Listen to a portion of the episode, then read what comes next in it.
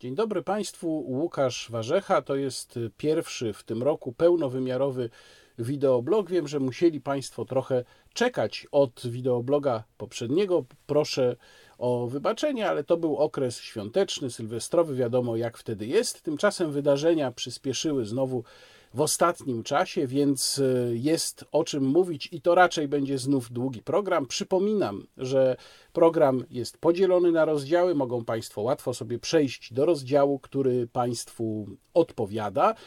Oczywiście zachęcam też, jeżeli dla kogoś to są za długie materiały, do mm, oglądania na raty. Wideoblogi trafiają również do serwisu SoundCloud w postaci mm, podcastów, więc również w tej formie można sobie ich słuchać. Ja te podcasty opisuję identycznie jak swoje filmy na kanale, czyli tam również są podane czasy, kiedy rozpoczynają się poszczególne tematy.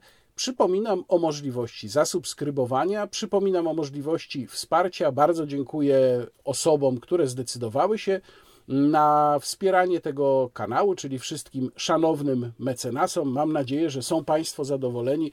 Proszę pamiętać, że karta społeczność jest od tego, żeby również pisać do mnie. Można to robić, można to robić w formie komentarzy właśnie pod moimi wpisami na karcie społeczność. No a teraz przechodzimy do tematu, który siłą rzeczy, bo właściwie wszystko poza wydarzeniami w Stanach Zjednoczonych, o których ja nie będę dzisiaj mówił, e, a nie będę mówił dlatego, że bardzo krótko się o tym wypowiedziałem w swoim felietonie w Super Expressie. E, wszystko obraca się no, oczywiście wokół kwestii epidemii, wokół kwestii szczepionek, wokół kwestii faktycznego, trwającego lockdownu i jego konsekwencji. Zacznę od sprawy, która trochę jest dla mnie osobiście przykra.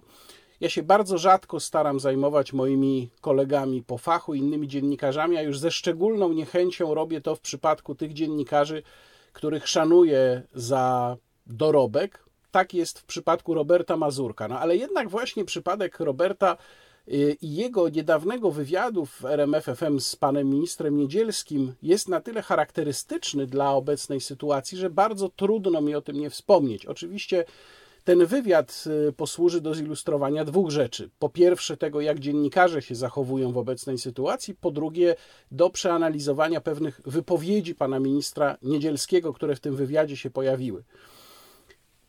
Jeżeli mówię o z tym, jak dziennikarze się zachowują, pewnie Państwo wiedzą, co mam na myśli, bo wspominałem o tym już nieraz, pisałem o tym w swoich felietonach na portalu Stowarzyszenia Dziennikarzy Polskich, że panuje przynajmniej w większości środowiska coś w rodzaju niepisanej zmowy na temat sytuacji epidemicznej I tu nie chodzi o to, że nie daje się głosu jakimś radykalnym sceptykom, jeśli chodzi o szczepionki, których, jak Państwo wiedzą, ja nie popieram. Mój sceptycyzm e, polega na zadawaniu pytań e, dotyczących tej konkretnej szczepionki. Natomiast chodzi o to, że zagadnienia dotyczące całokształtu skutków tego, co się dzieje, kompletnie nie są przez dziennikarzy poruszane. I niestety tak było również w tym wywiadzie. Jak powiedziałem, ja Roberta Mazurka bardzo szanuję, lubię go zresztą prywatnie. Nie wiem, czy jeszcze po moich komentarzach do jego wywiadu mogę powiedzieć, że z wzajemnością. E, mam nadzieję, że tak i że Robert się za to nie obraża, e, no ale prawdziwa cnota krytyk się nie boi. Otóż ja Roberta bardzo lubię i cenię za wiele z jego wywiadów, a zrobił ich, e, zdaje się, że to podliczył niedawno no to już liczone zdaje się było w tysiącach w ciągu swojej kariery. I ogromna część z tych wywiadów zapadała w pamięć, dlatego że Robert, świetnie przygotowany, potrafił wytknąć swoim rozmówcom hipokryzję, niewiedzę, wręcz głupotę. To się zdarzało wielokrotnie i dotyczyło i tych wywiadów, które pojawiały się w e, RMF FM i wywiadów pisanych, z których na razie przynajmniej Robert zrezygnował Niestety. No ale coś się takiego stało, że tam, gdzie zaczęła się pojawiać, zaczął się pojawiać temat epidemii, mm, i tu mówię również o rozmowach Roberta robionych jeszcze z Łukaszem Szumowskim. Ten znakomity dziennikarz wpisał się niestety w schemat, o którym przed chwilą mówiłem. Rozmowa z Adamem Niedzielskim, która się odbywa w momencie, kiedy ogromna część e, Polaków, zwłaszcza tych, którzy prowadzą biznesy, zadaje sobie dramatyczne pytania o swoją przyszłość. Rodzice zadają sobie dramatyczne pytania o zdrowie psychiczne swoich dzieci, o przyszłość ich edukacji. E, rozmowa z człowiekiem, który w dużej mierze decyduje o różnych fatalnych, absolutnie oraz absurdalnych rozwiązaniach, które się dzieją, rozegrała się w tonie takiej przyjemnej przekomarzanki, właściwie z jednym tylko momentem, kiedy coś trochę poważniejszego mm, zostało poruszone, to był temat tempa szczepień. No i jeszcze był jeden moment, to też muszę przyznać, kiedy Robert Mazurek wspomniał o e, kwestii równości e, obywateli w dostępie do służby medycznej w kontekście zapowiedzi pana ministra dotyczących tego, że osoby zaszczepione miałyby tu mieć jakieś preferencje. To były jedyne dwa momenty z 30 minut, kiedy w ogóle ta rozmowa zahaczyła o cokolwiek trudniejszego dla pana ministra. Poza tym to było spijanie sobie z dzióbków. No niestety, yy, znakomity dziennikarz, czy naprawdę nie był w stanie inaczej się do tego przygotować, czy nie był w stanie zadać innych pytań? Ta rozmowa odbywała się, kiedy już głośny był e, wyrok e, Wojewódzkiego Sądu Administracyjnego w Opolu, o którym będę później w wideoblogu mówił. Zresztą wyrok z października, ale głośny stał się dopiero kilka dni temu, ale przed tą rozmową. Czy Robert Mazurek, który zawsze jest tak perfekcyjnie przygotowany, nie wiedział o tym wyroku? No to są pytania, na które ja odpowiedzi nie znam. Nie chcę Roberta tutaj oskarżać o, o cokolwiek, o jakiś konformizm. Nie wiem, po prostu nie rozumiem tego. Pokażę Państwu teraz kilka jej e, fragmentów i każdy z tych fragmentów spróbuję przeanalizować. Zobaczmy pierwszy moment. Bulwersujące informacje dochodzą z, z kadry, a właściwie z Polskiego Związku Pływackiego. Otóż, panie ministrze, czy pan wie, ile osób liczy kadra narodowa Polski w pływaniu? No, trudne pytanie. No tak mniej więcej. Rząd wielkości. No, z tego co pamiętam na Igrzyskach Olimpijskich, to jednak dużo jest konkurencji. No dużo, no to, to może być ile? Kilkadziesiąt osób. Plus juniorzy. Osobno, więc na pewno to jest raczej setka niż. Setka. Otóż informuję pana, że to jest co najmniej kilkanaście tysięcy, bo zarząd Polskiego Związku Pływackiego informuje, że uchwała numer, i tu jest długi numer, e, z dnia 22 grudnia powołuje do kadr narodowych Polskiego Związku Pływackiego wszystkich zawodników zarejestrowanych w systemie ewidencji. Proszę pana, każdy zawodnik, każde dziecko powyżej 9 roku życia jest w tej chwili w kadrze narodowej w pływaniu. Dzięki temu może sobie pływać na basenach. Ja bardzo proszę, ja mogę nie dostać szczepionki, ale ja bym chciał zostać powołany do kadry w pływaniu. Ja się nawet nauczę pływać z tego powodu. Chciałbym mieć na nagrobku reprezentant Polski napisane. Znaczy, Pan to, może mi to, to załatwić. są jakieś kompletne opary absurdu i ja, ja nawet nie wiem, jak się do tego ustosunkować, panie redaktorze, bo no, ty, rzeczywiście to jest rzeczywistość. poziom wymyślania e, różnych sposobów obchodzenia tych regulacji, które tak naprawdę mają chronić życie nas i naszych bliskich jest e, porażający. Ja jestem też dzisiaj rano po rozmowie z głównym inspektorem sanitarnym, który e, przedstawiał mi sytuację, gdzie do uruchomienia lodowiska została na lodowisku otwarta kwiaciarnia, żeby można było w ramach kwiaciarni jeździć na łyżwach. Więc ja, ja naprawdę nie wiem, gdzie, gdzie są granice takiej abstrakcji, ale na koniec dnia to ktoś jednak bierze na siebie odpowiedzialność za to, że ktoś może może się zarazić, ktoś może w związku z tym trafić do szpitala i ktoś może w związku z tym tak przechodzić no dobrze, ale czy, To jest bardzo dobre pytanie do pana, do pana. To jest ostatnie pytanie w części, e, w części radiowej. Czy pan rzeczywiście, czy pańscy pracownicy, główny inspektor sanitarny interweniuje w takich przypadkach? Tak, tak, oczywiście, że tak. Dobrze, to pytałem pana o tych, o tych pływaków, e, o to, czy pan podejmie jakąś interwencję, bo wie pan, kilkunastotysięczna kadra narodowa w pływaniu, e, to oczywiście żart i, i takie no, pokazanie cwaniaków, że aha, my was prze, przechytrzyliśmy. Ale wie pan, bo to jest coraz częstsze, zaczynają, zaczynają się dzisiaj ferie, na stokach nie ma narciarzy, ale są saneczkarze. I teraz czy inspektor sanitarny, czy ktokolwiek będzie tam interweniował, mówił nie, hello, jednak stoki są zamknięte dla każdego, nie tylko dla narciarza. Stoki są zamknięte i po prostu nie można z nich korzystać, więc czy to są narty, czy to są sanki, to jest ta sama, ta sama że tak powiem, kategoria. Ten pierwszy fragment zmontowałem z dwóch elementów, bo to był wątek, który się prawie na samym y, początku rozmowy pojawił i jeszcze na sam jej koniec. Ja to połączyłem, bo dotyczy tego samego. No więc co my tutaj mamy? No, Robert składa donosik na Polski Związek Pływacki, panie ministrze, a tam wszystkich zapisali do kadry i oni sobie mogą pływać, no czy pan coś z tym zrobi? Natomiast nie zadaje podstawowego pytania, a właściwie kilku podstawowych pytań. Po pierwsze, Jaki jest w ogóle sens wyłączania basenów, klubów fitness, siłowni? Na jakiej podstawie to się odbywa? Po drugie, co wspólnego ma pozbawienie ludzi możliwości korzystania z tego typu miejsc e, z ich odpornością, z ich kondycją fizyczną i psychiczną? Po trzecie, jakie są przyczyny tego, że Polski Związek Pływacki zdecydował się na taki krok? No bo przecież nie zrobił tego z jakiejś złośliwości wobec państwa, tak jak Robert tutaj mówi, o cwaniaki. Nie, to nie jest cwaniactwo, to jest pewnego rodzaju wyraz desperacji, a także sygnał, że ogromne grupy ludzi uważają wprowadzane przez rząd ograniczenia za absurdalne. Dlaczego Robert w ten sposób ustawił tę rozmowę, zamiast zadać te wszystkie pytania panu ministrowi, który mówi, że absurdy się mnożą i on tego nie umie pojąć? No, absurdy się mnożą, ale to głównie są absurdy waszych właśnie regulacji. Zobaczmy następny fragment. Pan powiedział, że zastanawiamy się nad tym, czy zaszczepieni mogliby mieć jakieś przywileje w dostępie do usług medycznych. E, jakie to miałoby być przywileje? Na czym to miałoby być? Na czym to miałoby polegać?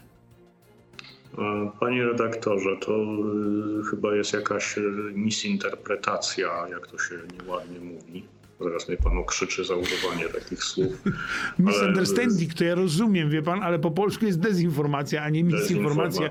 Ale ja znaczy, przyznaję, że... To, to, jest, to jest tak, że no, rzeczywiście Skąd jest taki oni kierunek biorą, myślenia o tym, żeby, żeby zastanowić się, czy szczepienie powinno dawać możliwość na przykład e, nie bycia objętym obostrzeniami. No to wiadomo, że nie ma sensu, żeby byli obejmowani kwarantanną po kontakcie z osobą chorą czy, czy osobą wracającą e, z jakiegoś obszaru, e, który jest objęty dużą liczbą zakażeń, to nie ma sensu, żeby ich to obejmowało. Więc w tym sensie są uprzywilejowani, że po prostu nie będą podlegali różnym obostrzeniom, które z natury rzeczy no, nie powinny być stosowane wo wobec osób, które na pewno są uodpornione. Tu mamy kwestię ułatwień dla zaszczepionych. Pan minister się rakiem wycofywał z tego, co wydawało się, że wcześniej e, powiedział. Natomiast nie padło tutaj dosyć istotne pytanie: dlaczego, jeżeli mm, zaszczepieni mają mieć takie ułatwienia, które przypomnę, oparte są na niedowiedzionym przekonaniu, że zaszczepieni nie transmitują wirusa, o tym też jeszcze później będę w wideoblogu wspominał. Dlaczego takich samych ułatwień nie mają mieć ozdrowieńcy? Oczywiste pytanie, które tutaj nie padło. Zobaczmy kolejny fragment. Mamy rzeczywiście całkiem sporą grupę, zwłaszcza aktywną w internecie, mm, ludzi, którzy nie, nie tylko nie wierzą w, w pandemię, ale też no, walczą jak mogą y, z, ze szczepionkami. Pan stał się gwiazdą tej internetowej szuli. Nie wiem, czy do pana dochodzą te odgłosy. Wie pan co, ja, ja rzeczywiście jestem pod wrażeniem, ale ja staram się tego nie czytać. Yy, nawet nie dlatego, że nie ma tam ciekawych treści, w sensie właśnie badania granic wyobraźni i, i, tego, co można wymyślić, tylko po prostu tam też jest bardzo dużo przekleństw, niecenzuralnego języka yy, i zwykłego hamstwa, którego ja staram się unikać. No, tutaj mamy klasyczne ustawianie sobie oponenta, to znaczy Robert Mazurek nie widzi racji racjonalnych krytyków tego, co się dzieje, tylko widzi tych wariatów. Tylko są wariaci. Co pan, panie ministrze, biedny, powie o tych wariatach? Oj, ja nie czytam, tacy są niekulturalni. Ale kiedy będzie normalnie? O, to pewnie każdy chciałby wiedzieć. Tak w miarę normalnie. Ja też chciałbym wiedzieć, panie redaktorze, natomiast no, cel jest taki, żeby jednak e, do, do wakacji czy, czy w wakacje no, wrócić do jakiegoś poziomu normalności, bo też nie, nie mówiłbym o takim pełnym przywróceniu normalności, tylko chociażby do takiego czasu, jak były wakacje ostatnie, gdzie, gdzie mogliśmy jednak swobodnie się poruszać, mogliśmy korzystać e, z różnych no, dobrych, że tak powiem, stron bycia na wakacjach i jeżeli tempo szczepienia uda nam się osiągnąć takie, że będziemy szczepili milion, dwa miliony E, osób miesięcznie, to wtedy rzeczywiście jest szansa, że, że wakacje czy jesień będą już takim powrotem do. No ale do jeśli będziemy szczepili milion osób, milion osób miesięcznie, to zaszczepimy 6 milionów do, e, do wakacji i z całym szacunkiem. No to bliżej 2 milionów. No i wreszcie ostatni fragment, czyli zasadnicze pytanie, kiedy będzie normalnie. Pan minister tutaj mówi o wakacjach lub jesieni, to tak nieprecyzyjnie, też Robert Mazurek nie dopytuje. A przecież Robert Mazurek pytał, dopiero co pyta, o kwestię tempa szczepień. I okazuje się, że w ciągu pół roku, no po 2 miliony miesięcznie, no to całkiem nieźle, 12 milionów zaszczepimy. Przecież odbywa się tutaj czarowanie nas liczbami, o którym zaraz Państwu powiem i nie wierzę. Naprawdę nie wierzę w to, że Robert Mazurek nie jest w stanie tego przeniknąć. Widzą Państwo teraz schemat, na którym pokazane jest, to jest schemat akurat ze strony gazeta.pl, ale schemat sporządzony na podstawie danych oficjalnie dostępnych. Mm, widzą Państwo schemat, który pokazuje, jakie będzie tempo szczepień poszczególnych grup. Jak Państwo na tym schemacie widzą, dopiero koniec tego roku, przy optymistycznych założeniach, to jest koniec szczepień grupy seniorów. A żeby uzyskać odporność populacyjną, no bo przypominam, że szczepionka ma przecież pomóc w osiągnięciu odporności populacyjnej, budowanej dwiema drogami, czyli z jednej strony przechorowywaniem przez część populacji mm, choroby, z drugiej strony uodpornianiem poprzez zaszczepienie. A celem jest odporność populacyjna. Otóż o osiągnięciu tej odporności populacyjnej no, różnie mówią specjaliści. Generalnie rzecz biorąc, waha się ta liczba Polaków, którzy musieliby być zaszczepieni, żebyśmy tę odporność osiągnęli, czy może raczej, którzy by ją musieli mieć, niekoniecznie być zaszczepieni, to jest powiedzmy pomiędzy 20 a 27-8 milionów ludzi. 12 milionów ludzi zaszczepionych w ciągu 6 miesięcy, moim zdaniem kompletnie nierealna sprawa, to jest jeszcze daleko nawet od niższego z tych progów. Jeżeli spojrzymy na ten schemat, to wychodzi nam, że jakiekolwiek szczepienia wykraczające poza grupę seniorów, to dopiero byłby w najlepszym wypadku początek 2022 roku. Przypominam, że nie wiemy, na jak długo szczepionka daje odporność. Niedawno ukazały się interesujące badania na temat y, tego, jak długo trwa odporność po przechorowaniu y, COVID-a. Te badania robione w Australii mówią o utrzymywaniu się przeciwciał przez około minimum 8 miesięcy. No taka jest perspektywa tych badań. To jest oczywiście dobra wiadomość. Założenie jest takie, ale tylko założenie, bo my tego nie wiemy na pewno, że w wyniku zaszczepienia odporność będzie się utrzymywała podobnie długo. No czyli na razie mamy perspektywę 8 miesięcy czyli dużo krótszy czas niż jest potrzebny, żebyśmy osiągnęli próg odporności populacyjnej. Bo to, przypominam, patrząc na ten schemat, może być dopiero no, połowa 2022, bardzo optymistycznie, raczej druga połowa 2022. Więc co nam tutaj za kity wciska minister Niedzielski o tym, że w miarę normalnie będzie mogło być w czasie wakacji? To znaczy, mogłoby być, pod warunkiem, że rząd odszedłby od prowadzonej obecnie polityki i zaczął zadawać sobie odważnie pytanie, jaka w ogóle jest skuteczność lockdownów. To pytanie się zaczyna przewijać znowu, bo ono było stawiane na wiosnę, czy po wiosennych lockdownach, ale zaczyna się znowu przewijać ze wskazaniami na kraje, które wprowadziły e, bardzo daleko idące restrykcje i nie zahamowało to kompletnie rozwoju choroby. No to, to jest pytanie w takim razie, po co są te restrykcje. Jeżeli pan minister Niedzielski twierdzi, że osiągnięcie odporności populacyjnej poprzez szczepienia przede wszystkim to jest warunek powrotu do normalności, to niech nie wciska nam kitu, że będzie to możliwe w połowie tego roku, bo jeżeli takie przyjmujemy założenie, to nie. To znaczy, że mielibyśmy według założeń rządowych trwać w lockdownie przynajmniej do połowy przyszłego roku. No nie muszę chyba tłumaczyć, co to oznacza dla zdrowia psychicznego Polaków, dla biznesów i tak dalej. To już wszyscy Państwo wiedzą, wszyscy to wiemy. Myślę, że to jest dla wszystkich widzów mojego wideobloga jasne. Wracam do Roberta Mazurka. Zastanawiam się, dlaczego Robert Mazurek nie zadaje tego pytania. Czy on tego nie rozumie? nie widzi tego, nie potrafi tego przekalkulować, nie przygotował się do tej rozmowy? Nie wiem.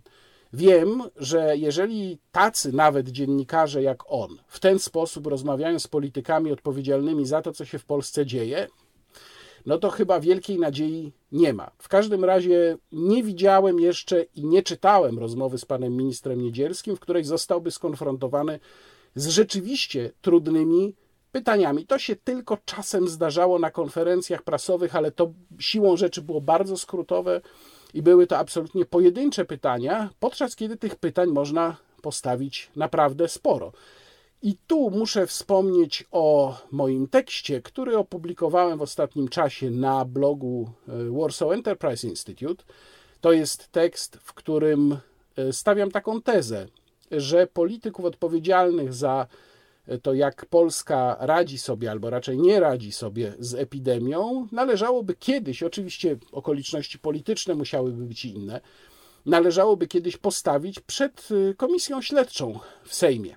To musieliby być politycy tacy jak Mateusz Morawiecki, Adam Niedzielski, Łukasz Szumowski, Jarosław Pinkas, obecny główny inspektor sanitarny, przepraszam, którego nazwiska nie kojarzę, ale także pan minister Kamiński ze względu na rolę policji, pan e, komendant główny inspektor generalny Jarosław e, Szymczyk, e, pan profesor Horban, inni członkowie Rady Medycznej przy premierze i pewnie wiele, wiele innych osób, którym należałoby zadać wiele pytań, między innymi na przykład o to, na jakich danych opierali się decydując o zamknięciu poszczególnych branż. W moim tekście E, tę listę pytań przedstawiam, e, proponowanych, oczywiście bardzo ramowych. Mm, link do tekstu, rzecz jasna, jak zwykle znajdą Państwo w opisie filmu. No to tyle, już nie chcę się znęcać więcej nad e, Robertem Mazurkiem. Mam tylko nadzieję, że przy następnej okazji, kiedy będzie rozmawiał z kimś, kto odpowiada za to, co się dzieje, no to te rozmowy poprowadzi mm, inaczej.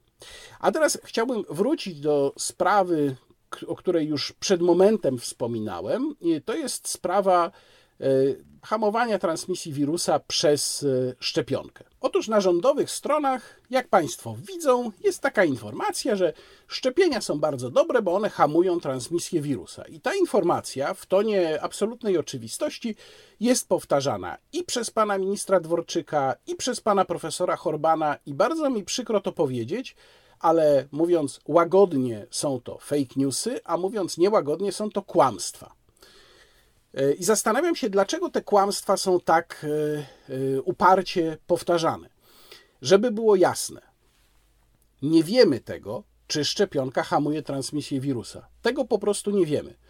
Jest to możliwe, ale równie dobrze możliwe jest, że tej transmisji wirusa nie hamuje. Tutaj były różne opinie lekarzy na ten temat. Na przykład niektórzy lekarze wskazywali, że o ile rozwój wirusa w organizmie nosiciela może zostać przez szczepionkę zahamowany, o tyle rozwój w innych miejscach, znaczy nie wewnątrz organizmu, ale na przykład w błonie śluzowej nosa, może przebiegać dalej, co nie wpłynie na zdrowie nosiciela, ale może spowodować, że tym wirusem ktoś się będzie zakażał. No zresztą y, rekomendacja, żeby również zaszczepieni nosili maseczki, chyba tutaj jest wystarczająco czytelna. A mimo to wszystkie te rządowe źródła cały czas kłamią, no bo trudno kłamstwem nie nazwać stwierdzenia w tonie pewnym, że y, szczepionka hamuje transmisję wirusa, podczas kiedy po prostu tej informacji nie ma. Kłamią, że tak właśnie jest, że właśnie szczepionka mm, hamuje transmisję wirusa. No i tu mam takie, takie zadanie dla Wojciecha Surmacza, mm, prezesa Polskiej Agencji Prasowej, y, który, jak Państwo być może pamiętają, ja to w jednym ze swoich blogów y, przedstawiłem. W programie w radiowej trójce. Tak, proszę Państwa, radiowa trójka jeszcze cały czas mimo wszystko istnieje.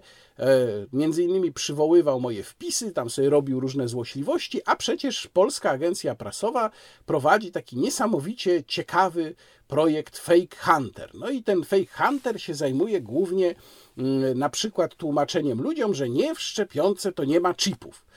Można zgłaszać do tego Fake Huntera różnego rodzaju naszym zdaniem nieprawdziwe mm, informacje. E, ja tu Państwu pokazuję, jak wygląda strona Fake Huntera. Tam Państwo znajdą też informacje o tym, jak e, zgłaszać e, takie fejki. Więc, drogi Wojtku Surmaczu, jest zadanie. Jest fake powtarzany przez najważniejsze osoby w państwie, zawarty na stronach rządowych. Proszę bardzo, do dzieła. No, mam nadzieję, że na swoim fake hunterze papowskim zdementujesz tego fejka i rzetelnie wyjaśnisz, że informacji co do hamowania transmisji wirusa przez szczepionkę po prostu nie ma. Bardzo możliwe, że tak się dzieje, możliwe też, że tak się nie dzieje. Będziemy to wiedzieć wtedy, kiedy wystarczająco duża liczba ludzi zostanie zaszczepiona wystarczająco duża, żeby można było prowadzić rzetelne obserwacje tego, jak się zachowuje wirus już w tych zaszczepionych grupach, czy na ich styku z niezaszczepionymi. Na razie tego po prostu nie wiemy. Kolejna sprawa związana z lockdownem i ze sposobem walki z epidemią, która zapewne wielu z Państwa spędza sen z powiek, to jest kwestia tego, co się stanie z dziećmi, czy one wrócą do szkół, czy nie. I tu chciałbym Państwu wskazać na e, pewną fiksację władzy, to jest też bardzo ciekawe, na klasach 1-3. Cały czas mówi się o klasach 1-3. Czy klasy 1-3 wrócą, czy nie wrócą? No ale przecież, jeżeli podejść do tego e, zdroworozsądkowo, to kto ma największy dzisiaj problem? Nie klasy 1-3 to są dzieci, które dopiero zaczynają podstawówkę. No oczywiście utrata na przykład pierwszego roku podstawówki to jest duży problem, również psychologiczny. To jest czas, kiedy dzieci się socjalizują. Ale największy problem przecież mają ósmoklasiści, których czeka egzamin i maturzyści, których też czeka no, chyba najważniejszy egzamin w życiu. I co z ósmoklasistami, co z maturzystami? Dlaczego o nich się nie mówi? Dlaczego ciągle mówi się tylko o klasach 1-3? W dodatku nie dając tutaj właściwie żadnego wyprzedzenia, jeżeli chodzi o podjęcie tej decyzji. Ja myślę, że to jest czas, żeby rodzice właśnie ósmoklasistów i maturzystów no, zaczęli się głośno upominać o swoje prawa, bo wątpię, czy da się dobrze przygotować do egzaminów wyłącznie w domu. Ja już pomijam oczywiście wszystkie inne skutki dla poziomu edukacji, skutki psychologiczne, które ta nauka domowa rodzi. Przypominam oczywiście, że zgodnie ze słynnym schematem, który znów tu Państwu pokazuję, zaprezentowanym przez rząd w listopadzie, z naszą liczbą zakażeń e, SARS-CoV-2 powinniśmy być tak mniej więcej na granicy żółtej strefy, czy nawet już w żółtej strefie. Niektóre gminy mogłyby być w strefie mm, zielonej. No ale y, zamiast tego mamy groźby dalszego lockdownu, uzasadniane już nawet nie tym, co się dzieje w Polsce, bo też spada liczba hospitalizacji, zajętych respiratorów, więc trochę trudno to uzasadniać tym, co się dzieje w Polsce. To teraz y, rząd straszy nas tym, co się dzieje za granicą, bo już w Polsce jest y, trochę za mało tych y, czynników, którymi można straszyć. Natomiast ja chciałbym Państwu tutaj pokazać kilka wykresów. Teraz je Państwo widzą, mogą sobie Państwo zatrzymać film, żeby się im dokładnie przyjrzeć. To są wykresy pokazujące tak zwane zgony nadmiarowe, czyli wykraczające poza średnią z poprzednich lat. Zgony nadmiarowe również w poszczególnych grupach wiekowych w Szwecji i w Polsce. Ta y, straszna Szwecja, która zresztą ostatnio trochę się ugięła, tam zaczęła wprowadzać pewne restrykcje, nawiasem mówiąc, chciałbym mieć takie restrykcje jak te, które w Szwecji teraz wprowadzono. I proszę zobaczyć, jak to wygląda. Podkreślam, tutaj mówimy o procentowych, nadmiarowych zgonach procentowych, czyli to jest relatywne do naszych, do miar naszych krajów. Tutaj nie mówimy o liczbach bezwzględnych. No i wygląda na to, że o ile e, Szwecja w tym okresie wiosennym rzeczywiście miała więcej, wyraźnie więcej nadmiarowych zgonów niż Polska, o tyle w okresie jesiennym miarą naszego wielkiego i właściwie naszego rządowego sukcesu jest to, że myśmy te wiosenne nadmiarowe zgony mm, szwedzkie już ewidentnie i wyraźnie przebili, przegoniliśmy je. Po prostu. I to dotyczy wszystkich właściwie, jak Państwo widzą, grup wiekowych. Przypominam też, że jeżeli ktoś się tutaj odwołuje do statystyk ekonomicznych i wskazuje na to, że no przecież Szwecji PKB też poleciało, to owszem, poleciało, głównie dlatego, że Szwecja nie jest autarkią, więc y, lockdowny w krajach, z którymi Szwecja handluje, też mają swoje koszty. Natomiast Szwecja nie poniosła gigantycznych kosztów związanych z lockdownem u siebie, takich jak my. A przypomnę, że koszt tylko pierwszego, samego pierwszego wiosennego lockdownu, koszt liczony jako zadłużenie, wzrost zadłużenia i spadek PKB, to ponad 250 miliardów złotych, a mówimy tylko o wiośnie. Jeżeli komuś z Państwa się wydaje, że te koszty gdzieś znikną i że one się nie odbiją później na przykład w inflacji wynikającej z dodrukowywania pustego pieniądza albo we wzroście podatków, co już widać, no to musi być skrajnie naiwny. My za to po prostu zapłacimy. O i jeszcze taki drobiazg, który e, wpadł mi w oko w ostatnim czasie. Otóż nie wiem, czy Państwo pamiętają, jak e, chwaliłem Narodowy Program Szczepień za to, że będzie istniała możliwość wyboru szczepionki, bo przypominałem, Polska zapisała się, mm, zakontraktowała e, pięć szczepionek, pięciu różnych producentów, dwóch rodzajów, e, czyli opartych na dwóch różnych technologiach.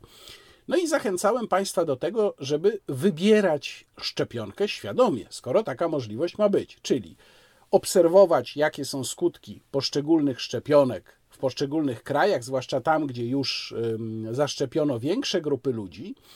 I na tej podstawie później, jak już będą Państwo mogli się zaszczepić, wybierać sobie, którą szczepionką Państwo chcą być zaszczepieni.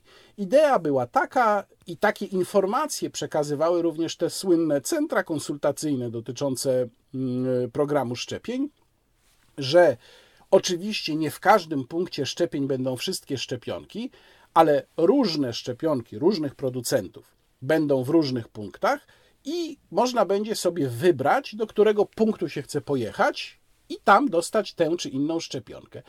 No i proszę Państwa, cóż się okazało? A tu wyskakuje pan minister Dworczyk i co mówi na konferencji prasowej? Osoby pani redaktor Magdalena Gronek, Polska Agencja Prasowa. Dzień dobry. E, chciałam zapytać, czy pacjent będzie miał możliwość wyboru szczepionki, jeśli na rynku pojawiać się będą kolejne, czy decydować będzie kwalifikujący do szczepienia lekarz? Dziękuję bardzo. Bardzo proszę panie ministrze. Na tym etapie e, e, takiego e, wyboru na pewno nie będzie. To są produkty lecznicze tożsame. Natomiast no, na razie jest w ogóle wyłącznie w Polsce dostępna szczepionka firmy Pfizer. Tak jak powiedziałem, nawet potem jak już wejdą, przynajmniej mówię o miesiącu styczniu, lutym, kolejne firmy z kolejnymi szczepionkami, to na tym etapie takiego wyboru nie przewidujemy. No właśnie, czyli wyboru żadnego nie będzie. Kolejny punkt, tam gdzie można było jeszcze rząd za coś pochwalić, do skreślenia. Teraz zaczynam obszerny temat tego, co się dzieje z przedsiębiorcami. Coś się, proszę Państwa, zaczyna dziać. Zacząłbym od tego, że jest dobra wiadomość. Otóż w klasyfikacji tej tarczy, tak zwanej branżowej tarczy 6.0, no mała dobra wiadomość. Pojawiła się klasyfikacja 5520Z, czyli obiekty krótkoterminowego zakwaterowania. Wskoczyły tam w którymś momencie, jeszcze w połowie grudnia była mowa o tym, że ich tam nie będzie i taka była y, świadomość właścicieli tego typu obiektów bodajże jeszcze na koniec grudnia, czyli no coś tutaj się zmieniło, doszła ta klasyfikacja. Natomiast nadal pozostaje problem, na który uwagę zwraca m.in. Adam Abramowicz w piśmie do pana premiera Morawieckiego. Problem związany z tym, że rząd sobie to tak sprytnie wymyślił, że ym, pomoc uzależnił nie jakby się wydawało w sposób prosty od y, tego, z jakiej działalności dany przedsiębiorca czerpie większość przychodów i z tego, czy te przychody stracił w stosunku do 2000 19 roku, nie 20, 19, bo to był ostatni normalny rok, tylko klasyfikacja PKD tutaj um, decyduje. Oczywiście strata też i ta strata w niektórych przypadkach, zwłaszcza w przypadku sezonowych biznesów, jest nie do wykazania. Otóż E, z klasyfikacją PKD to jest tak, jak przedsiębiorca rejestruje działalność, to może sobie tych kodów wpisać wiele, któryś z kodów wybiera jako działalność dominującą. I potem bardzo często zdarza się, że ta wpisana działalność dominująca, a to jest tylko formalność przy zakładaniu działalności. Można to oczywiście później zmienić, ale nie ma właściwie powodu żadnego. Okazuje się, że ta działalność, jeśli chodzi o sposób, w jaki przedsiębiorca zarabia, wcale nie dominuje. Ba, ona może być w ogóle nieaktywna, a przedsiębiorca zarabia na czymś innym. Oczywiście w zgodzie z innym kodem PKD, który sobie wpisał, rejestrując działalność, ale to nie jest kod działalności tak zwanej dominującej. A tarcza dotyczy tylko kodów dominujących. I teraz może się okazać, że ktoś ma kod dominujący nieuwzględniony w tarczy, tak naprawdę zarabia na czymś innym, no dajmy na to na hotelarstwie, ale tarcza go już nie obejmuje. I na ten problem zwraca uwagę Adam Abramowicz i wszystkie w zasadzie organizacje przedsiębiorców. A rząd? A rząd nic. Dlaczego? No dlatego, że oczywiście taka regulacja została wprowadzona celowo, po prostu po to, żeby za dużo osób sobie nie chciało z tej pomocy skorzystać. Szczególnie dramatyczna jest e, sytuacja oczywiście w rejonach najbardziej turystycznych, przede wszystkim w polskich górach. I przedsiębiorcy, którzy tam pracują, to są często mali przedsiębiorcy, to są, to są też rodzinne firmy. Oni widzieli, co się dzieje i prosili rządzących o pomoc już jakiś czas temu. Jedną z firm, e, które stały się znane ze względu na swoją sytuację w ostatnim czasie, jest rodzinna firma państwa Lustyków, to jest stacja narciarska pod Wangiem w Karpaczu. I proszę posłuchać, co pani Aneta Lustyk jeszcze w połowie grudnia mówiła do pana premiera, do pana ministra Niedzielskiego, apel z jej Facebooka. Panie prezydencie, panie premierze, mówię w imieniu swoim, mojej rodziny i wielu małych rodzinnych firm z szeroko pojętej branży zimowej, które nie posiadają zagranicznego kapitału, spółek córek i majętnych inwestorów. Od miesiąca żyjemy w strachu. W strachu o naszą przyszłość, przetrwanie, a co za tym idzie o przeżycie. Mimo, że sezon zimowy w Polsce trwa od grudnia do marca, to praca w tym biznesie wymaga całorocznych nakładów, nie tylko finansowych. Wkładamy w to swój czas, wysiłek i serce. Ten stok i cała infrastruktura powstała dzięki ciężkiej pracy i wyrzeczeniom mojego taty. Teraz my, jako kolejne pokolenie, staramy się odnaleźć w tym biznesie. Rozumiemy zagrożenie epidemiologiczne i potrzebę ograniczeń. Zastosujemy się do wszystkich wytycznych, ale proszę, zrozumcie również nas i nasze niezbędne do przetrwania potrzeby. Zacznijcie z nami rozmawiać, z nami, małymi przedsiębiorcami prowadzącymi jednoosobowe działalności gospodarcze lub zatrudniającymi do pięciu osób. Wiem, że z dużymi firmami i przedsiębiorstwami łatwiej nawiązać dialog, ale my też mamy swoich przedstawicieli i pokażemy Wam, jaki jest nasz realny koszt przetrwania. Nie zarobimy na opłaty, kredyty, leasingi i inne zobowiązania w kwietniu, w maju, nie odrobimy strat w sezonie letnim. Potrzebujemy od państwa realnej pomocy finansowej i systemowych rozwiązań, które pozwolą nam przetrwać. Nie zostawiajcie nas z zakazem i z ograniczeniem prowadzenia działalności gospodarczej, brakiem płynności finansowej, perspektyw na przetrwanie do kolejnego sezonu. Proszę o dialog, rozmowę, możliwość przedstawienia pomysłu na rozwiązanie tej sytuacji. Wiem, że z góry widać więcej, ale o wiele mniej wyraźnie. No ale ten apel nie został wysłuchany.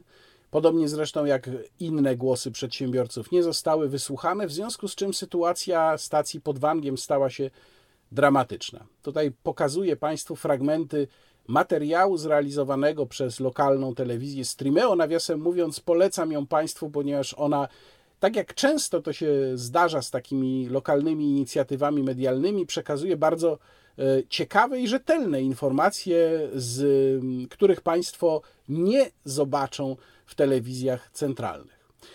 No więc e, ta scena, która rozpoczyna materiał telewizji Streameo o sytuacji wyciągu stacji narciarskiej pod Wangiem.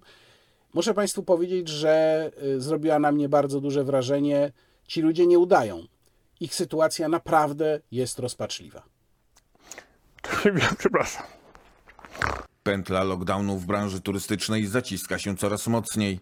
Doświadcza tego m.in. rodzinna firma państwa Lustyków, prowadząca wyciąg narciarski pod Wangiem w Karpaczu. Żeby uniknąć bankructwa i ochronić dorobek dwóch pokoleń, zdecydowali się w akcie rozpaczy na zorganizowanie zbiórki społecznej na portalu zrzutka.pl. To, że aktualnie nie jesteśmy w stanie prowadzić działalności i zarabiać, yy, nie pozwoli nam utrzymać stacji narciarskiej do przyszłego sezonu. To są koszty całoroczne. To nie jest tylko trzy miesiące w roku. Działalność prowadzimy tylko w okresie zimowym i powoduje to utratę całkowitego dochodu i wszelkich prac na stoku nie mamy jak prowadzić. Kwota, którą państwo Lustykowie muszą uzbierać, by nie stracić dorobku życia, to 900 tysięcy złotych. Są to koszty związane z leasingami, z kredytami, z utrzymaniem kolei, z serwisami, później z odbiorami, z dozorami technicznymi.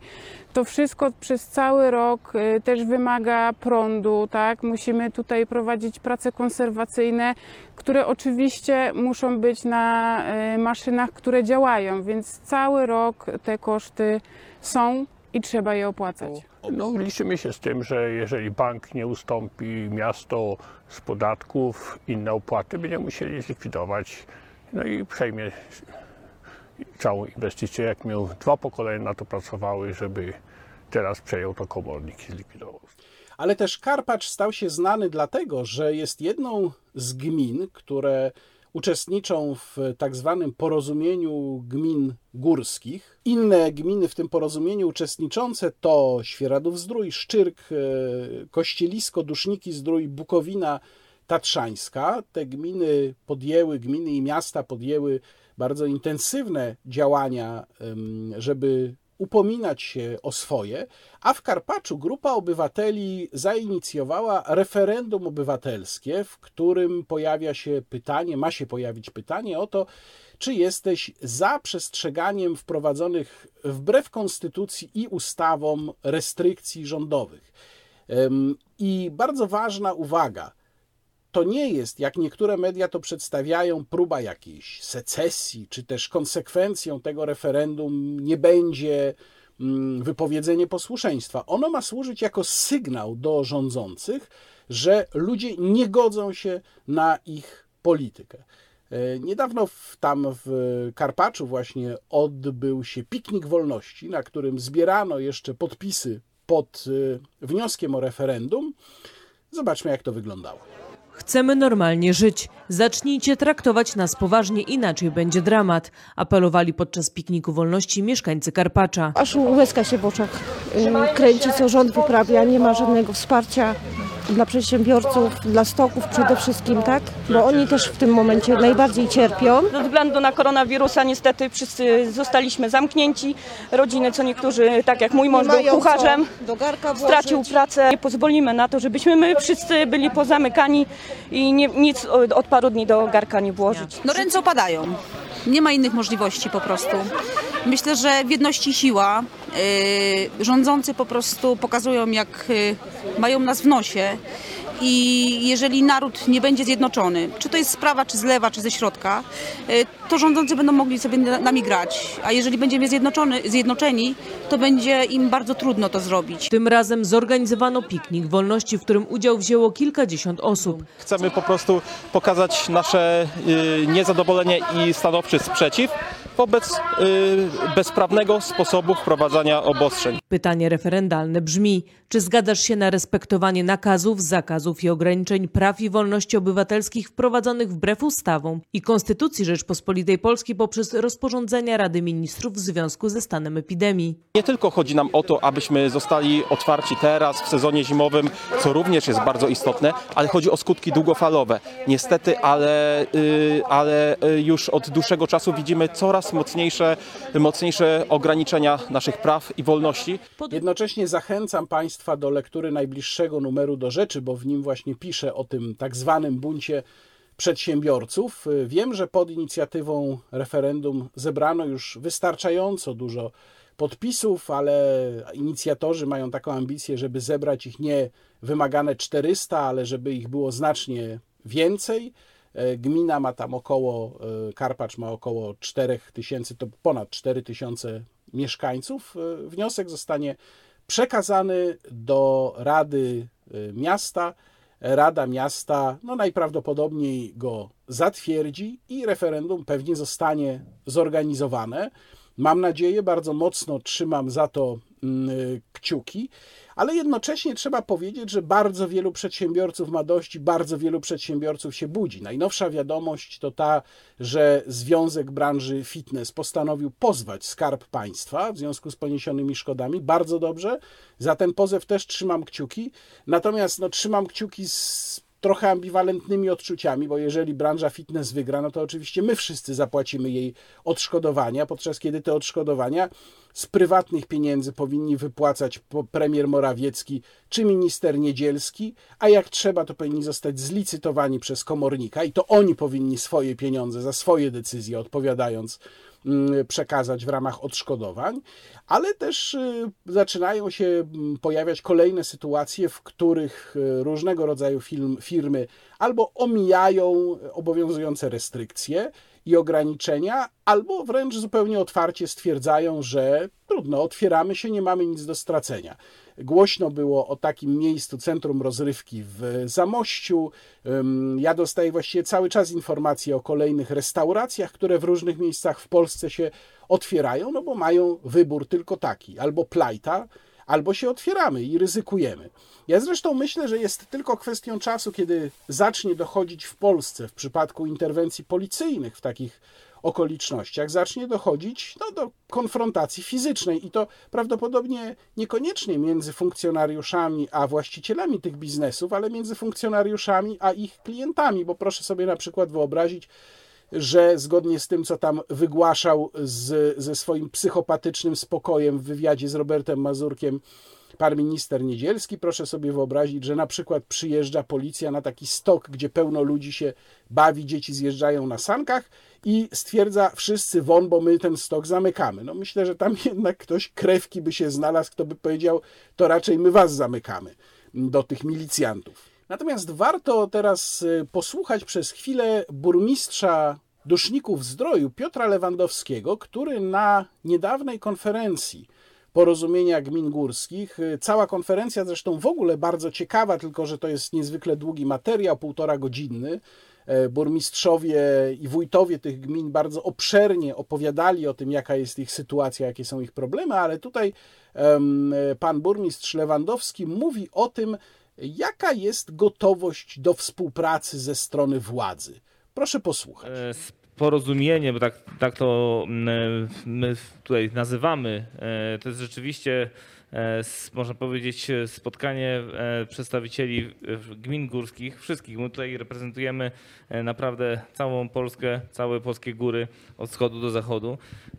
Zaczęliśmy nasze wspólne działania 23 listopada.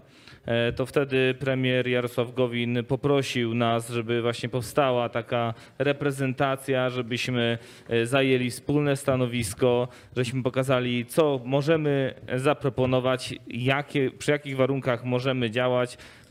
Bardzo szybko nasza grupa, to jest e, sześciu e, wójtów, burmistrzów, e, którzy przed Państwem są, takie e, dokumenty sporządziła. Dosłownie w ciągu e, tak naprawdę dwóch, trzech dni tak intensywnej pracy e, zostało do Ministerstwa Rozwoju przesłane i nasze propozycje, jeśli chodzi o propozycje sanitarne, protokoły sanitarne, ale również propozycje pomocowe dla jednostek samorządu terytorialnego oraz przedsiębiorców gmin górskich. Więc tutaj mówimy o końcówce listopada. E, następnie odbyły się dwie konferencje. E, pierwsza w Bukowinie Tatrzańskiej, druga e, w Szczyrku. W Szczyrku to już jest miesiąc temu, kiedy w, zwróciliśmy się na piśmie do premiera Mateusza Morawieckiego o spotkanie, o to, żeby te nasze propozycje przedyskutować, zobaczyć, czy jest jakaś możliwość, żeby chociaż część z nich zrealizować, żeby, e, żeby nie zamykać, e, że tak powiem, naszych gmin już totalnie na całą zimę. E, to, tam są naprawdę konkrety przygotowane w tych dokumentach. Niestety nie dostaliśmy żadnej oficjalnej odpowiedzi, więc tego spotkania dalej oczekujemy. Jednocześnie trzeba zaznaczyć, że wiemy o tym, że w pewne prace są w Ministerstwie Rozwoju prowadzone. Między czasie były, był kontakt z nami jako z gminami górskimi i pewne rozwiązania zostały nam przedstawione, ale one zostały przedstawione tylko jako propozycja Ministerstwa Rozwoju do prezesa Rady Ministrów. Dalej nie ma dalej żadnej decyzji. A zatem sytuacja jest naprawdę dramatyczna. A tymczasem jak władzuchna do tego podchodzi? No myślę, że tutaj można jako przykład dosyć reprezentacyjny pokazać Państwu tweet pana profesora Zdzisława Krasnodębskiego, który tak skomentował wszelkiego rodzaju obiekcje do tego, jaka polityka lockdownowa jest przez władzę prowadzona. Proszę bardzo. Pan profesor pisze, Tragedię nowoczesnego człowieka w czasach pandemii, jak przeżyć bez wyjazdu na narty, co zrobić z dzieckiem, gdy przedszkola są zamknięte, nawiasem mówiąc, przedszkola są otwarte, panie profesorze. Gdzie się zabawić, gdy do Brytanii daleko, ha, ha, ha. Myślę, że pan profesor powinien pojechać do Karpacza. Ja bym bardzo chciał zobaczyć pana profesora w Karpaczu, na takim pikniku wolności albo na proteście przedsiębiorców, jak pan profesor im powie, ha, ha, ha, tragedię współczesnego człowieka, no naprawdę nie wiedzą państwo, co robić? No, można doradzić, co robić? Zostać europosłem z ramienia partii rządzącej i zarabiać wtedy, przepraszam, sprawdzam, 6800 euro miesięcznie. No tak, pan profesor znalazł sposób na to, jak sobie poradzić z lockdownem. I teraz przejdziemy w rejony prawne, bo dwa duże wątki prawne jeszcze na nas czekają w tym wideoblogu. Pierwszy to jest oczywiście wątek wyroku, o którym już wspomniałem, Wojewódzkiego Sądu Administracyjnego w Opolu, wyroku jeszcze z października, wyroku trzyosobowego składu orzekającego w którym pan sędzia Krzysztof Sobieralski był przewodniczącym, pan Krzysztof Bogusz był sprawozdawcą, pani sędzia Elżbieta Kmiecik była członkiem składu orzekającego i na początek chcę wszystkim sędziom, nie wiem jak wyglądało oczywiście głosowanie nad wyrokiem w tym składzie, ale wszystkim sędziom chciałbym pogratulować, ponieważ nie tylko okazali się sędziami z prawdziwego zdarzenia, ale przede wszystkim zajęli się problemem bardzo całościowo. Nie analizując jedynie okoliczności tej konkretnej sprawy, przypominam, że y, sąd administracyjny analizuje wyłącznie okoliczności prawne, nie faktyczne, ale dużo głębiej, szerzej zajęli się całokształtem sytuacji prawnej. I za to naprawdę dla y, państwa sędziów najgłębszy szacunek. O co tam chodziło? Otóż jeszcze w kwietniu jeden z fryzjerów został przyłapany na tym, że strzygł mężczyznę w swoim zakładzie w trakcie lockdownu, czyli wtedy, kiedy fryzjerzy nie mogli pracować, teraz na szczęście mogą. Ten człowiek tłumaczył się policji, która podjęła interwencję, że to jest jego znajomy, że on go strzyże tylko w ramach e, przysługi koleżeńskiej, ale policjant sporządził notatkę do Sanepidu i Sanepid nałożył karę administracyjną w wysokości 10 tysięcy złotych. No i właśnie e, Wojewódzki Sąd Administracyjny zajmował się odwołaniem e, ukaranego mm, od tej kary. Ale zajął się też całością okoliczności, jak powiedziałem, czyli zajął się tym, czy w ogóle taka kara mogła zostać nałożona. Uzasadnienie e, wyroku jest długie. Sprawa, postępowanie administracyjne zostało w sprawie tego fryzjera rzecz jasna umorzone, Natomiast uzasadnienie, choć długie, jest warte przeczytania. Ja mam tutaj kilka jego fragmentów i chciałbym je Państwu y, przeczytać, bo ono naprawdę jest niezwykle mocne. Oto jeden z tych fragmentów. Rada Ministrów zrezygnowała z formalnego i przewidzianego w artykule 232 Konstytucji RP wprowadzenia stanu klęski żywiołowej. Uznała, że przyznane jej zwykłe środki konstytucyjne w rozumieniu artykułu 228 ustęp 1 Konstytucji są wystarczające, aby opanować istniejący stan epidemii.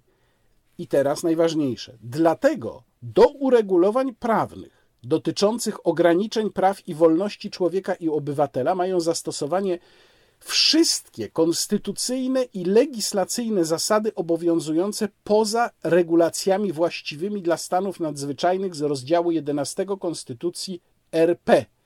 W związku z tym, w celu wprowadzenia ograniczeń wolności i praw człowieka, nie można powoływać się na nadzwyczajne okoliczności uzasadniające szczególne rozwiązania prawne, oraz okolicznościami tymi nie można usprawiedliwiać daleko idących ograniczeń swobód obywatelskich wprowadzanych w formie rozporządzeń.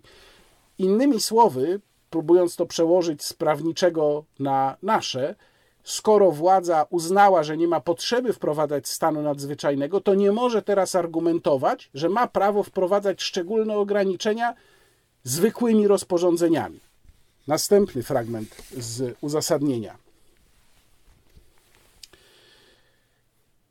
Oznacza to, czytam tylko te fragmenty, które są najważniejsze, oznacza to w świetle ugruntowanego orzecznictwa Trybunału Konstytucyjnego, że ustawa musi samodzielnie określać podstawowe elementy ograniczenia danego prawa i wolności.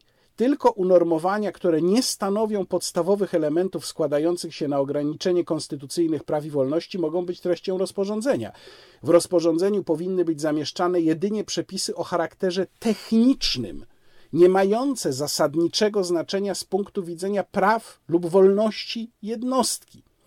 Dlatego należy podkreślić, że przepisy stanowione na poziomie rozporządzenia, oprócz tego, że nie mogą regulować podstawowych konstytucyjnych wolności i praw, muszą także spełniać warunki określone w artykule 92 ust. 1 Konstytucji RP.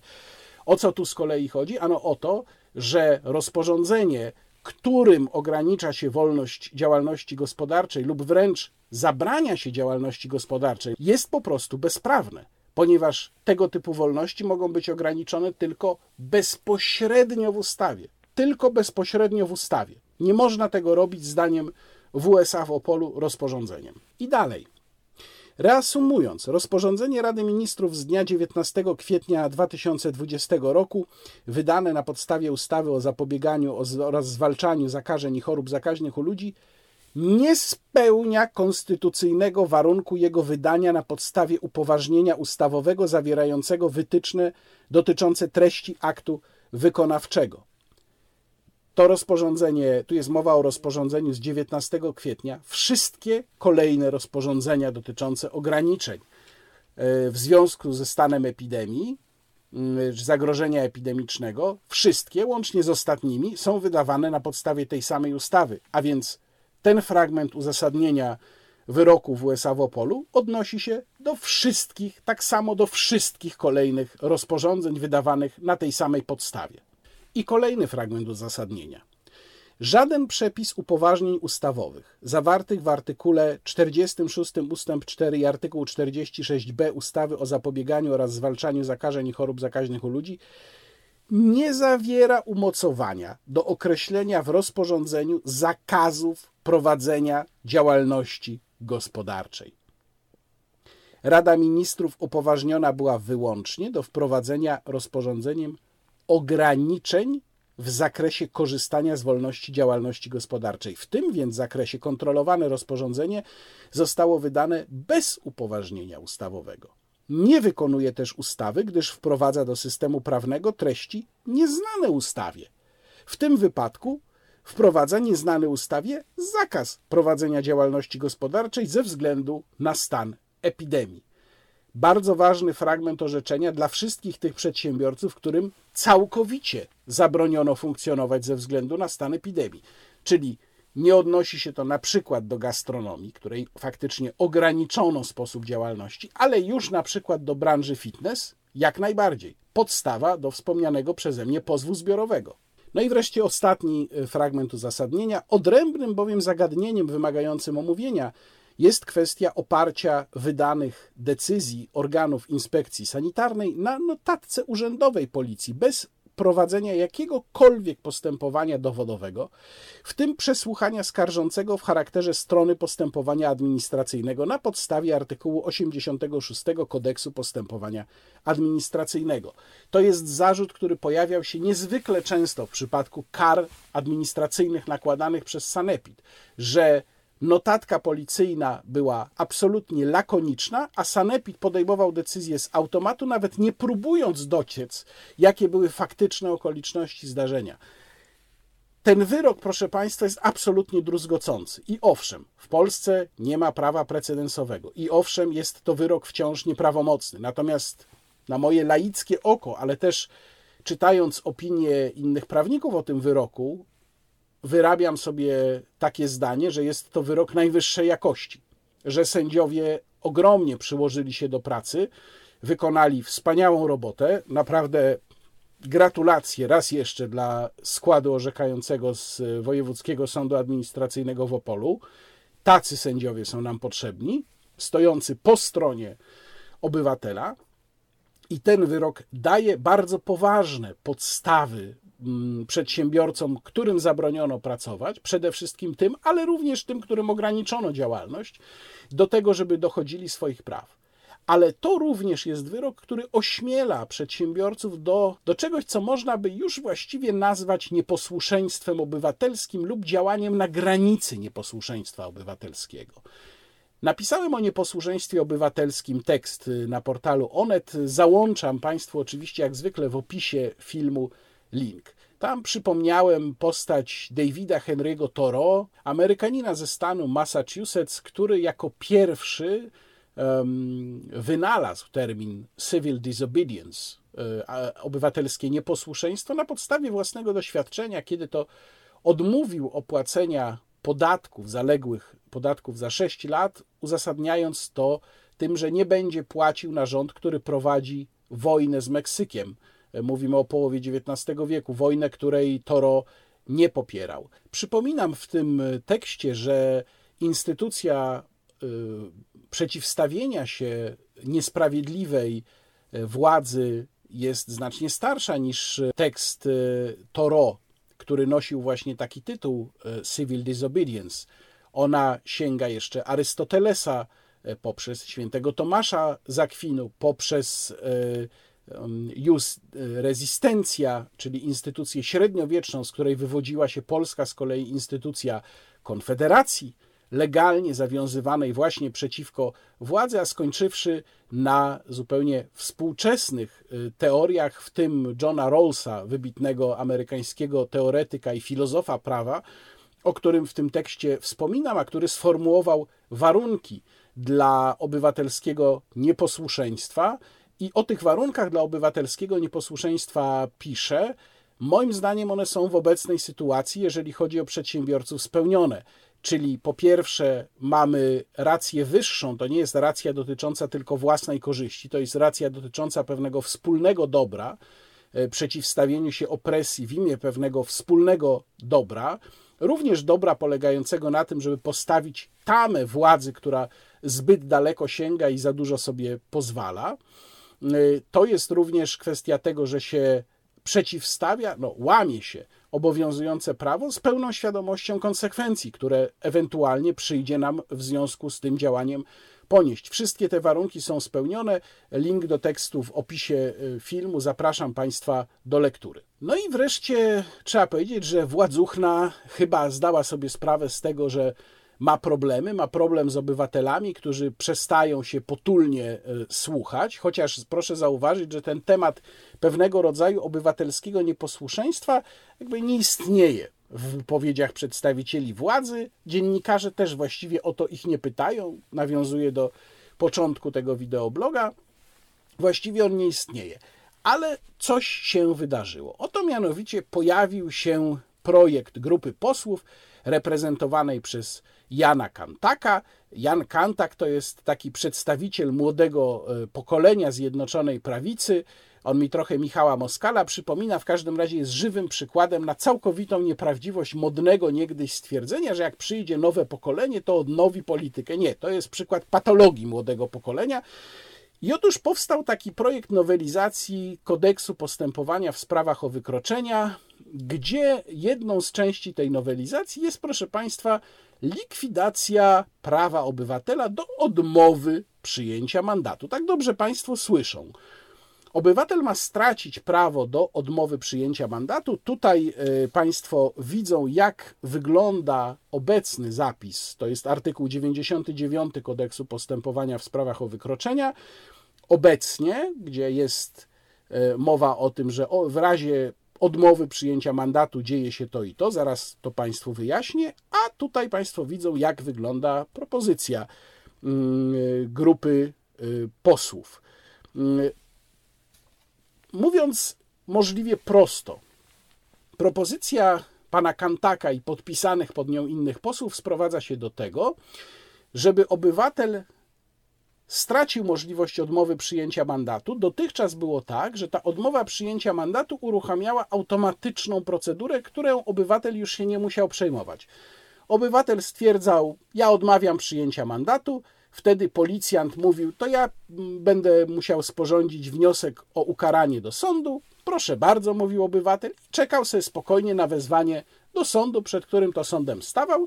No i tam odbywała się normalna rozprawa, w trakcie której pan policjant y, musiał dowodzić, że mm, zamierzał wymierzyć karę słusznie. Oczywiście kara ostatecznie wymierzona przez sąd, wiadomo, mogła być wyższa niż kara wynikająca z mandatu karnego, ale generalnie rzecz biorąc była to prosta, łatwa, ugruntowana procedura, którą większość obywateli znała. Wiedziała, że to jest jedno z podstawowych praw. Wiadomo, że z mandatami karnymi spotykamy się stosunkowo często, znacznie częściej niż z jakimiś elementami prawa karnego. Mandat karny, prosta sprawa, mogę odmówić przyjęcia. A co proponuje pan Kantak? Ano, pan Kantak proponuje, żeby zamiast tego można było w ciągu, teraz uwaga, siedmiu dni we właściwym dla miejsca wykroczenia sądzie rejonowym zaskarżyć mandat, który musimy przyjąć, ale możemy go właśnie zaskarżyć. Musimy, zaskarżając go, wskazać, czy zaskarżamy wysokość kary, czy zaskarżamy samą karę, czyli okoliczności, w jakich ona została wymierzona. Mało tego, już we wniosku zaskarżającym mandat musimy powołać wszystkie dowody, które chcemy przedstawić przed sądem, bo jeżeli tego nie zrobimy, to one nie zostaną potem dopuszczone. No i jeszcze jedna bardzo istotna różnica z obecnym stanem. Jeżeli to my zaskarżamy mandat, to na nas będzie spoczywała odpowiedzialność za to, żeby dowieść, że wymierzona nam kara była niesłuszna. Czyli tu jest przerzucenie ciężaru dowodu swojej niewinności na zaskarżającego mandat, zupełnie inaczej niż w dotychczasowej sytuacji. Czy Państwo rozumieją, na czym ta zmiana polega? Po pierwsze, dla większości obywateli jest to procedura nie do przejścia. Przy takiej wiedzy i świadomości prawnej, jaką mamy, o ile odmowa przyjęcia mandatu jest banalnie prostą procedurą, o tyle to, co proponuje pan Kantak, jest nie do przeskoczenia. Trzeba mieć mnóstwo samozaparcia, żeby skonstruować taki wniosek, no, najpewniej samemu, umieć powołać te dowody. To jest nie do przejścia dla zdecydowanej większości obywateli, a w związku z tym jest to moim zdaniem ograniczenie prawa do sądu, a więc złamanie konstytucji. I tutaj czekałbym na wypowiedź Rzecznika Praw Obywatelskich. Po co coś takiego? No, tu Państwo mają oczywiście, jak przy każdym projekcie, uzasadnienie. No i proszę sobie przeczytać, co w tym uzasadnieniu mianowicie piszą wnioskodawcy. Ano w tym uzasadnieniu wnioskodawcy piszą, że to wszystko, proszę Państwa, z troski o nas, bo Poza tym odmowa przyjęcia mandatu przez sprawcę niejednokrotnie ma charakter impulsywny i nieprzemyślany, a w konsekwencji powoduje konieczność podjęcia szeregu czynności związanych z wytoczeniem oskarżenia w sprawie o wykroczenie. Czyli głupi obywatele w sposób nieprzemyślany, impulsywny odmawiają przyjęcia mandatu, ale pan Kantak przychodzi im z pomocą i likwiduje taką możliwość. No czyż to nie jest wspaniałe, jak władza nas traktuje i jak się o nas troszczy? Ale mówiąc tak całkiem serio, jest to jedna z najbardziej skandalicznych, antywolnościowych, antyobywatelskich zmian, jakich kiedykolwiek ta władza próbowała dokonać w przepisach prawa, jakichkolwiek. I tu podkreślam szczególnie szeroki wymiar tej zmiany, bo tak jak powiedziałem, z mandatami karnymi spotyka się ogromna część ludzi. Prawdopodobnie większa część obywateli niż z jakimkolwiek innym elementem wymiaru sprawiedliwości, czy może szerzej wymiaru utrzymania porządku, systemu utrzymania porządku w państwie. Więc tę ugruntowaną instytucję odmowy przyjęcia mandatu pan Kantak chce nam zlikwidować. Dlaczego chce nam ją zlikwidować? No ja nie mam żadnych wątpliwości. Po prostu za dużo obywateli z niej korzystało. Z instytucji zaskarżenia mandatu sformułowanej tak, jak to pan Kantak sobie wymyślił, skorzysta jakiś ułamek tych, którzy korzystali z prawa do odmowy przyjęcia mandatu. I tu powiem coś bardzo serio teraz. To znaczy, oczekiwałbym, że wszyscy porządni posłowie Zjednoczonej Prawicy, wszyscy porządni prawnicy, którzy potrafią na prawa obywateli spojrzeć na serio, niezależnie od swoich poglądów i sympatii politycznych, zrobią wokół tego skandalicznego projektu gigantyczną awanturę. Gigantyczną. A prawdę mówiąc, uważam, że pan Kantak, który firmuje ten projekt, a tak po prawdzie to i wszyscy inni posłowie podpisani pod tym projektem, tam na przykład mój ulubieniec, pan Jan Mosiński, wybitny tytan intelektu z Prawa i Sprawiedliwości, że wszyscy ci posłowie powinni zostać po prostu skazani na polityczną banicję, bo działają wbrew podstawowym prawom obywatela, w tym przeciwko prawu obywatela do sądu. Na sam koniec dwa króciutkie tematy. Po pierwsze, informacja, która być może większości z Państwa umknęła. Otóż, kiedy po 11 listopada e, zrobiła się wielka awantura dotycząca tego, jak poczynała sobie policja, ta awantura potem miała tydzień później swój kolejny rozdział po tym, jak policja zadziałała w sprawie strajku kobiet. E, ja, jak Państwo pamiętają, te dwie sytuacje porównywałem, niezależnie od tego, że one były w bardzo powiedziałbym, zgodny z filozofią Kalego sposób komentowanej przez jedną i przez drugą stronę sporu. Ja je łączyłem, napisałem wtedy tekst, w którym pokazałem, że to jest po prostu kontynuacja tego, co się złego dzieje z polską policją i 11 listopada i 18 listopada. Były ogromne zastrzeżenia do działań policji, ale ja już wtedy pisałem, że człowiek, który odpowiadał bezpośrednio za to, co się działo, pan nadinspektor Dobrodziej, szef komendy stołecznej, po prostu szykuje sobie drogę e, polityczną, drogę do tego, żeby zająć miejsce pana inspektora generalnego Jarosława Szymczyka. Pisałem to zaraz po 11 listopada i proszę o to, co się wydarzyło. Otóż pan nadinspektor Dobrodziej został zastępcą komendanta głównego policji i nie jest już szefem komendy stołecznej, czyli proszę bardzo, opłaciło się gazować dziennikarzy i walić pałkami dziennikarzy 11 listopada. E, chciałbym tu jeszcze zauważyć, że policja owszem wszczęła postępowania e, w sprawie, uwaga, sześciu funkcjonariuszy, sześciu po wydarzeniach z tamtego okresu. Jedno postępowanie już się zakończyło, bez kary. Brawo, dzielna milicja. No i ostatnia kwestia, o której teraz szerzej mówił nie będę, wspomnę tylko, czyli weto pana prezydenta do ustawy o działach administracji. E, ustawa o działach administracji to jest rzecz bardzo hermetyczna. Chodzi tutaj w gruncie rzeczy o to, jakie, mówiąc w uproszczeniu, jakie ministerstwo, jaki minister, jaką dziedziną się zajmuje. E, to weto oczywiście nie ma żadnego znaczenia dla obywateli, to jest wyłącznie element gry wewnątrz obozu politycznego. I biorąc pod uwagę, jak dramatyczne rzeczy dzieją się w polskim państwie, próba, desperacka próba pana prezydenta, żeby jakoś zaznaczyć swoją obecność poprzez to właśnie weto, wydaje mi się, nie chcę tu użyć zbyt mocnego słowa, więc powiem tylko, wydaje mi się dość żałosna. No ale jeżeli by się tak złożyło, że e, nowelizacja kodeksu postępowania w sprawach o wykroczenia firmowanego przez pana Kantaka nie daj Boże, przejdzie przez Sejm i Senat, w co mi się nie bardzo chce wierzyć. Mam nadzieję, że przynajmniej w Senacie mm, zostanie postawiony opór, no ale jak wiadomo, Senat można przegłosować. Jeżeli by się tak zdarzyło, że ona wyjdzie jednak z Sejmu w tej postaci, to tutaj będzie miejsce i moment do popisu dla pana prezydenta. Mam nadzieję, że tutaj pana prezydenta weto by było. Dziękuję Państwu bardzo za dzisiaj. Dziękuję wszystkim subskrybującym, wszystkim oglądającym, a szczególnie dziękuję wszystkim mecenasom mojego kanału. Łukasz Warzecha, kłaniam się Państwu. Do zobaczenia.